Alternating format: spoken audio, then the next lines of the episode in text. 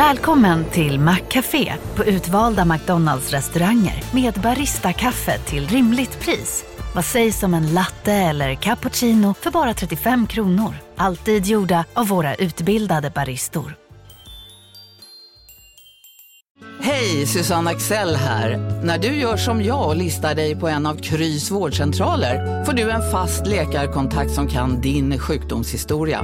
Du får träffa erfarna specialister, tillgång till lättakuten och så kan du chatta med vårdpersonalen.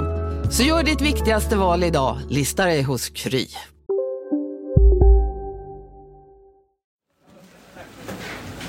Hej. Tjena, tjena. Eh, vad kostar en Big Mac? Bara början? Bara början kostar som 45 kronor. 45. Men då skulle jag vilja ha menyn.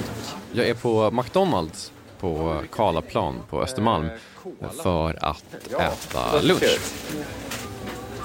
95 kronor blir det då. Perfekt. Det jag har köpt, en Big Mac, är inte bara världens mest ikoniska hamburgare med tre bröd, två biffar och en hemlig sås som de har lagt på lite väl mycket av på just min hamburgare. Det är också den vara som man mäter i ett av världens mest berömda ekonomiska index. Det mycket rimligt döpta Big Mac-index. Det är alltså en eh, jämförelse av vad den här hamburgaren kostar i olika länder. Undrar kanske om The Big Mac Index typ är det liksom den första ekonomiska typ, termen eller indexet som jag hörde talas om. Det känns som att mitt första minne typ är att någon förklarade vad Big Mac Index är och varför det finns. Ändå så måste jag erkänna att jag inte riktigt förstått exakt vad man ska ha Big Mac Index till förrän den här veckan när jag började läsa om det. För det är inte bara så att det här är en lite så lustig jämförelse. Man kan också använda den här börjaren för att förstå en massa saker. Om hur valutor funkar, om hur ekonomier funkar. Och så kan man också tjäna massa pengar på den här börjaren. Så från Monopol Media, det här är Kapitalet. Jag heter Gunnar Harrius. Idag, Burgernomics. Jag äter en hamburgare som kan förklara världsekonomin och jag påminner om en nästan bortglömd världsberömd svensk ekonom.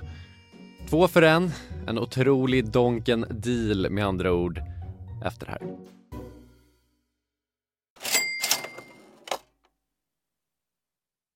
Kapitalet sponsras av SPP och Storebrand Asset Management.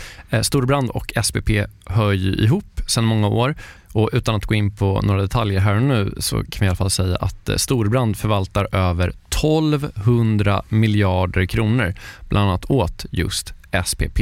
Och du har ju träffat Storebrand, Jakob, och pratat om eh, Kina Ja, eh, vi, vi pratar i alla fall om hur Kina blivit en sån otroligt viktig del i omställningen av energisystemet. Eh, över 70 procent av värdekedjorna inom vind och solkraft kontrolleras av Kina, vilket mm. är otroligt när man tänker på det. Ja. Och Det handlar om att Kina väldigt tidigt insåg att energi är makt och att man genom sol och vindkraft kan göra sig typ fri från att importera olja och gas och sånt. Then if you think that tomorrow or today's you know power base is going to in a large part be about renewables, then obviously having a stranglehold on those renewables and all the technologies that go into it is going to be part and parcel of that power play. Eh, det här är då Philip Ripman som ansvarar för Storbrand Global Solutions, eh, en fond som investerar i lösningsbolag över hela världen. Mm. Och hela det här avsnittet om Kina och geopolitiken som nu liksom är invävd i den globala omställningen, eh, den släpper vi som en bonus här i kapitalet nu i veckan.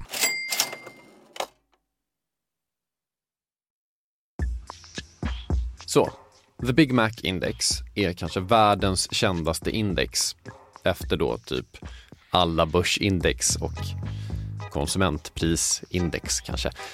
Hur som helst, vi ska inte ranka index idag, vi ska prata om Big Mac Index. Eh, och eh, ska man prata om Big Mac Index, då ska man såklart prata med Kenneth Clemens. I'm an economist. I work at University of Western Australia in the city of Perth. I've taught lots of students in international finance over the years, including taught them about the Big Mac Index. Ken Clemens har faktiskt skrivit flera akademiska artiklar om The Big Mac Index, vilket kanske låter högst normalt för en ekonom, men faktiskt är lite extraordinärt när man faktiskt förstår vad det här är för någonting. Eller snarare var Big Mac Index kommer ifrån. It started out a long time ago in the 1980s as uh, uh, by the Economist magazine as probably a, a sort of a, a, fun index, and they they probably would have felt then that it was a one-off type exercise. But uh, much to their surprise, it really took off. Det är alltså tidningen The Economist som Ken Clements pratar om. Eh, det var de som kom på det här indexet. Och i grunden så är det här ett otroligt lättbegripligt index. Yeah, well, the Big Mac Index involves a fundamentally simple idea. It involves comparing the price of a Big Mac hamburger at home in the home country with the price abroad. Det är egentligen hela grejen här. Vad kostar en Big Mac här? Vad kostar en Big Mac i andra länder? Gör listan, swish swash, klar. And if prices at home are above those abroad, then the Big Mac index says that the currency of the country is overvalued. So expect a depreciation of the currency sometime in the future to bring it back into line with the Big Mac index. In which case, the, the two prices of hamburgers at home and those abroad will be equalized. Så det som indexet faktiskt gör är att hävda att med hjälp av Big Mac sätta värdet på världens valutor. Det faktiska värdet. Inte värdet de har på den öppna valutamarknaden, utan vad valutan faktiskt är värd. Så till exempel då, kan Clements bo i Australien. Där kostar en Big Mac 7,25 australiensiska dollar. I USA kostar en Big Mac 5,36 amerikanska dollar. Om en Big Mac ska kosta lika mycket i båda länderna så borde växelkursen mellan australiensiska dollar och amerikanska dollar vara 1,35. Men det är inte. Växelkursen är 1,42. Alltså är den australiensiska dollarn aningen övervärderad, hävdar då det här indexet. Alltså, det den säger är att valutakursen är fel. Och det skulle vara svinbra att veta huruvida kursen är fel eller inte. Dels då för att du kan valutaspekulera och då bli hur rik som helst. Men också om du ska kunna ha ett typ företag som sysslar med export. Det kan vara jättebra att typ ha en långsiktig kurs som du kan eh, räkna med. Men frågan då. Varför i hela friden skulle Big Mac vara en bättre indikator på vad en valuta egentligen är värd än vad valutakurser är? Så för att förstå det eh, så måste man först eh, förstå en sak om valutakurser. Because exchange rates are notoriously volatile and extremely difficult to predict. Så det är det ena. Valutakurser är inte så bra på att liksom säga vad som faktiskt typ har hänt i ett land eller i ett valutaområde. Alltså om en dollar på en dag går från att kosta 10,50 till 10,52 det är rätt sällan någonting faktiskt har hänt i den amerikanska eller den svenska ekonomin för att det ska hända. Det är liksom bara så att kursen har förändrats. Folk har kanske spekulerat. Alltså, det här med valutor är ju i grunden utbud och efterfrågan. Så det är det ena. Valutakurser är volatila och det är därför inte alls säkert att de stämmer över tid. Men för att förstå varför en Big Mac faktiskt skulle kunna vara bra, då måste man tänka lite på vad en Big Mac egentligen är. First of all, they're, they're, they're more or less homogeneous. They're produced more or less according to the same recipe all around the world. Not exactly the same, but more or less the same. So we're talking about pricing a similar good in different countries. Och Big Macen är inte unik i det att den är likadan överallt. Men det är typ den ideala produkten. För att många av beståndsdelarna i en Big Mac kommer från respektive land. I Sverige görs en Big Mac på svenskt kött, brödet bakas i Sverige, på mjöl, malt i Sverige, på vete som kommer från i och för sig flera länder, men bland annat från Sverige. Beroende på säsong är grönsakerna från Sverige och de grönsaker som inte är från Sverige importeras, precis som de flesta grönsaker i Sverige görs.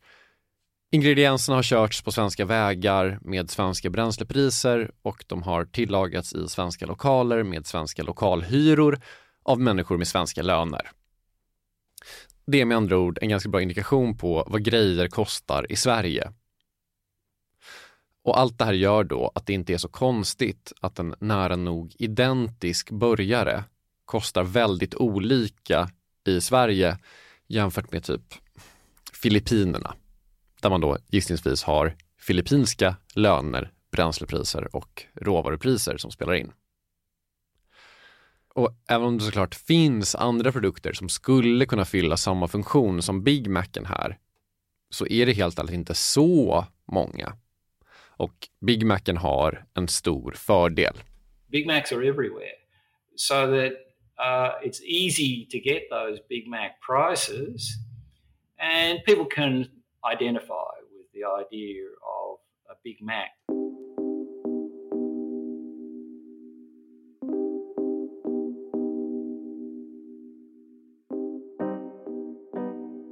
Man kan alltså tänka på en Big Mac lite som en sån här inflationskorg som alla pratar om hela tiden. En Big Mac innehåller massa, massa olika varor i en vara och därför så är det en bra jämförelsepunkt. Sen ska det sägas att det är lite oklart hur de här siffrorna faktiskt samlas in. När jag köpte en Big Mac på Karlplan så kostar den alltså 45 kronor. Men i The Economists index så är den registrerad som 57 kronor. Hur som helst, The Economist gör det här faktiskt mest som en kul grej. De säger själva att man inte ska ta det här på så stort allvar. Men enligt Ken Clements så finns det faktiskt en underliggande teori här som han tycker att man ska ta på stort allvar. Going back to a, uh, a very illustrious member of the Swedish School of Economics, Professor Gustav Kassel um, from the University of Stockholm. Gustav Kassel är typ vår mest kände, minst kände ekonom. I viss konkurrens kanske. Men han var mest verksam under mellankrigstiden då han fick i uppdrag av NF, alltså föregångaren till FN, att skriva olika utlåtanden om världens penningproblem efter första världskriget. Cassell was very active in the interwar period and uh, there was a, a, a, very, very important discussion about uh, what exchange rates should be used when trade resumed after all of the turmoil associated with the war and that sort of stuff. Det man ska komma ihåg här att det var före man släppte de flesta valutor fria. Man hade väldigt mycket fasta växelkurser, man hade olika typer av guldmyntfötter och den typen av saker. Och det mesta av det här hade liksom satts ur spel under kriget. He, he was a major contributor to the theory lying behind the Big Mac Index, the theory of purchasing power parity. Det Gustav Kassel presenterar, som alltså är det som har bäring på The Big Mac Index, det är något som kallas för köpkraftsparitet eller Purchasing Power Parity. Lite snyggare på engelska. Kassel var inte först med det här. David Ricardo hade pratat om liknande saker redan på 1800-talet. Men Kassel var den som formulerade och företrädde det här efter första världskriget. It says exchange rates can't get too far out of line with prices in the home country compared to the prices abroad. Och det det är, är egentligen typ ett globalt Big Mac-index. Fast inte med Big Mac då. Istället tar man fram en varukorg och så kollar man så här, hur mycket kostar det i ett land att köpa grejerna i den här korgen? Så jämför man det med priset på ett annat lands varukorg och boom, du har, enligt vissa, en rimlig växelkurs. And uh, Cassell came up with the with the really smart idea of saying that exchange rates should reflect the inflation that has occurred subsequently to the old exchange rates. Exchange rates should be adjusted to reflect those inflation rates. And Cassell was very, very influential in that, uh, eh, in that discussion. Men på ett sätt, enligt Ken Clemens, så är Big Mac bättre. För det finns typ tusen sätt att mäta konsumentprisindex, som ju i princip är det som Gustav Kassel tog fram med den här korgen. Det är dessutom ofta lagg i statistiken, medan då ska man få priset på en Big Mac så kan man bara gå till Donken Karlaplan och få reda på vad den kostar.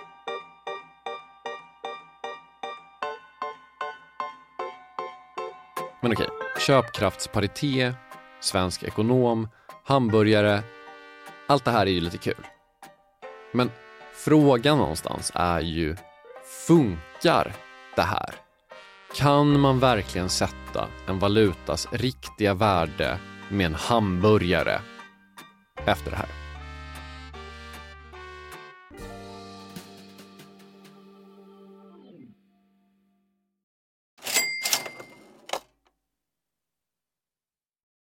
Jakob, vi har ett samarbete med Pareto Business School och det här är jag rejält nyfiken på. För att eh, eh, så här, vi jobbar ju sida vid sida, bokstavligen, sitter bredvid varandra och då och då så håller du upp ett finger och säger nu måste du vara tyst en timme för nu ska jag eh, göra något Pareto. Exakt. Ja. Jag, jag gillar ju att lära mig nya saker, det, det gör ju många journalister. Eh, Så den här våren går jag då en åtta veckor lång så kallad mini-MBA. Eh, Alltså jag hade gärna gått riktig MBA också, men, men ja, jag har inte tiden det kräver och, och framförallt ingen arbetsgivare som vill betala 800 000 för att låta mig göra det. Nej, eller kanske du har. Du är ju arbetsgivare. ja, snål, snål arbetsgivare. Mm. Eh, det- eh, Det är då Jens Bäckbom och Mattias Eklöf, två svenska entreprenörer som har skapat den här utbildningen just eftersom det finns ett gigantiskt hål mellan typ YouTube-filmer och en, en riktig MBA. Ja, och det här är då Pareto. Exakt, Ja. Pareto MBA. Eh, Paretos utbildning kostar cirka 25 000 kronor och, och under åtta veckor så lär man sig jättepraktiska och tillämpbara modeller för hur man startar, skalar upp, driver och säljer bolag. Eh, Jens och Mattias eh, de håller själva i många av föreläsningarna. De är garvade entreprenörer båda två. Mm. Och har man så olika gästföreläsare som kom in. Mm. Typ någon kille som, som eh, var expansionschef på Spotify, någon som körde marknadsföring på Revolut, eh, en kille som driver Sveriges största campingkedja, Mm. som har varit med i kapitalet faktiskt, Okej. Johan Sör. Ja. Ja, just det. Också varit en helt otrolig svensk eh, entreprenör som byggt massor med grejer i Vietnam. Alltså makalösa berättelser. Ja, wow. Eh, Så den här kursen består av en blandning förinspelade moment och seminarier, men man går också i då så här kohorter tillsammans med andra deltagare från Sverige och utlandet. Jättenyttigt, eh, tidseffektivt och funkar jättebra för, för den som vill driva egen verksamhet som, som typ vi gör här. Eller om man typ driver projekt och affärer i större bolag. Wow. Om man är taggad på att eh, bli en del av den här, liksom, vad ska man säga, Jakob Wichall-skolan. Om man vill bli som dig, lära sig lika mycket som, som du har lärt dig, vad, Ja. vad gör man då? Eh, Nästa kursstart är 5 april. Eh, Så vill man ta ett kliv framåt eh, i sin utveckling eller karriären eller så, eh, gå då till arbetsgivaren och kolla om du inte kan gå den här utbildningen. Eh, Priset ligger alltså på 2500 euro, men ni får 10% rabatt om ni anger Monopol Media som referens när ni eh, gör er anmälan. Mm. Eh, Man kan också gå in på paretoschool.com för att eh, läsa mer och ja, se lite smakprover från själva utbildningen. Då. Mm. Så att eh, man sparar jättemycket pengar för att gå Handels MBA och man sparar ytterligare pengar om man tar del av eh, Monopol Media-erbjudandet. Ja, exakt. Ja, en no-brainer som vanligt. Plus att man blir ju eh, alumnkollega med mig då. Verkligen. Så stort, stort tack till eh, Pareto Business School och eh, gå in på paretoschool.com.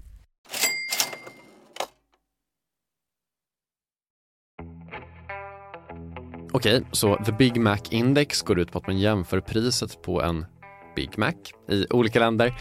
Sen räknar man ut en växelkurs baserat på köpkraften i de olika länderna och eh, vips så har du fått en, enligt vissa, mer äkta växelkurs mellan två valutor än vad du skulle få genom att kolla på vad växelkursen faktiskt står i precis just nu.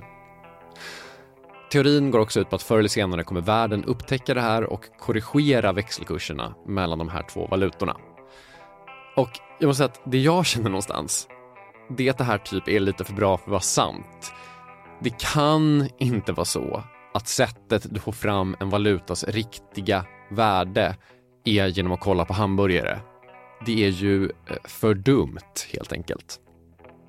Men eh, enligt Ken Clemens, professor i ekonomi vid University of Western Australia i Perth, så kan du typ använda dig av Big Mac Index.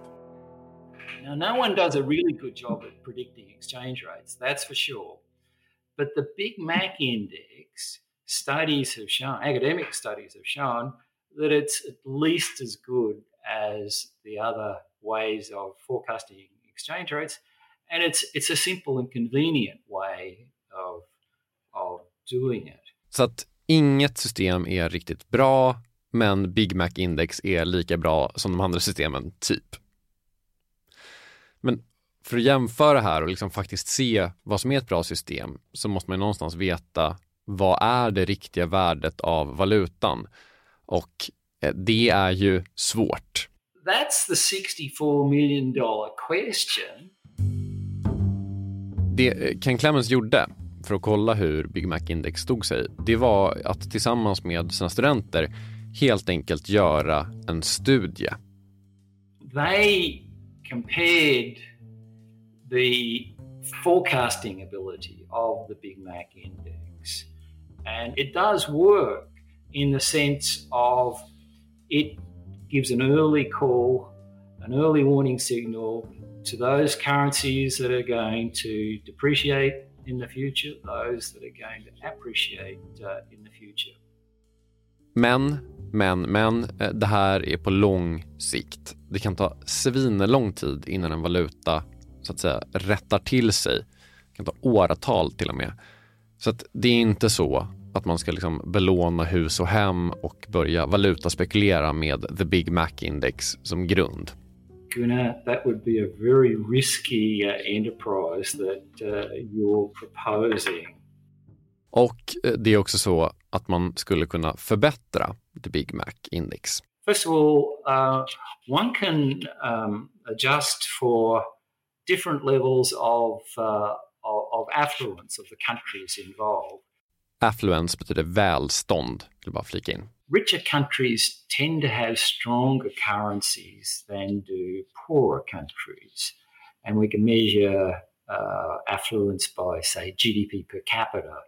Another way of improving them is to take account of the fact that for some currencies, they're consistently overvalued or consistently undervalued. And interestingly, the currencies of both Norway and Sweden over the last 20 odd years or so have been consistently overvalued according to the Big Mac index. You know, overvalued by about 10% or, or, or, or thereabouts. So that if that is consistent, then it's possible to uh, take that into account. And that would be an improvement also. Så för att summera, Big Mac Index funkar typ, men inte helt. Men det gör å andra sidan inget annat heller. Men det det funkar som, om inget annat, det är ju ett sjukt bra pedagogiskt exempel. A, a simple but sophisticated idea. It's simple because the inputs are so elementary. And that's appealing. The simplicity is appealing. But at the same time, it's sophisticated because what lies behind it is the theory of purchasing power parity. And as Professor Cassell showed us, this is a, a, a very elaborate theory that uh, is increasingly well regarded these days. So uh, it, it's it's it's also an example of the power of an idea too. The Big Mac Index, it's it, it really is compelling, compelling to uh, to to a lot of people, compelling to to students when we talk about it in class. So another advantage is that, uh, or another aspect of it all, it shows us the advantage of using plain English uh, in uh, explaining and conveying complex ideas. Some people say that economics is 80% marketing, and that's a bit of an exaggeration, but it does have a germ of truth to it. And uh, I think the Big Mac Index uh, is a good example of that. En annan sak som väl typ är 80% marknadsföring, det är ju eh, Big Mac. Sen måste man ju någonstans landa i att eh, jag inte tycker att Big Mac är så jävla gott. Eh, det är sällan så nationalistisk liksom när jag tänker på att den bästa McDonalds-burgaren, som är McFeast, eh, bara finns i Sverige så vitt jag vet. Eh, annars så vore det den liksom självklara mätpunkten. Kanske en hot take, men jag tror att vi alla vet att det är den korrekta taken för att så god är inte den här. Det är för mycket sås liksom.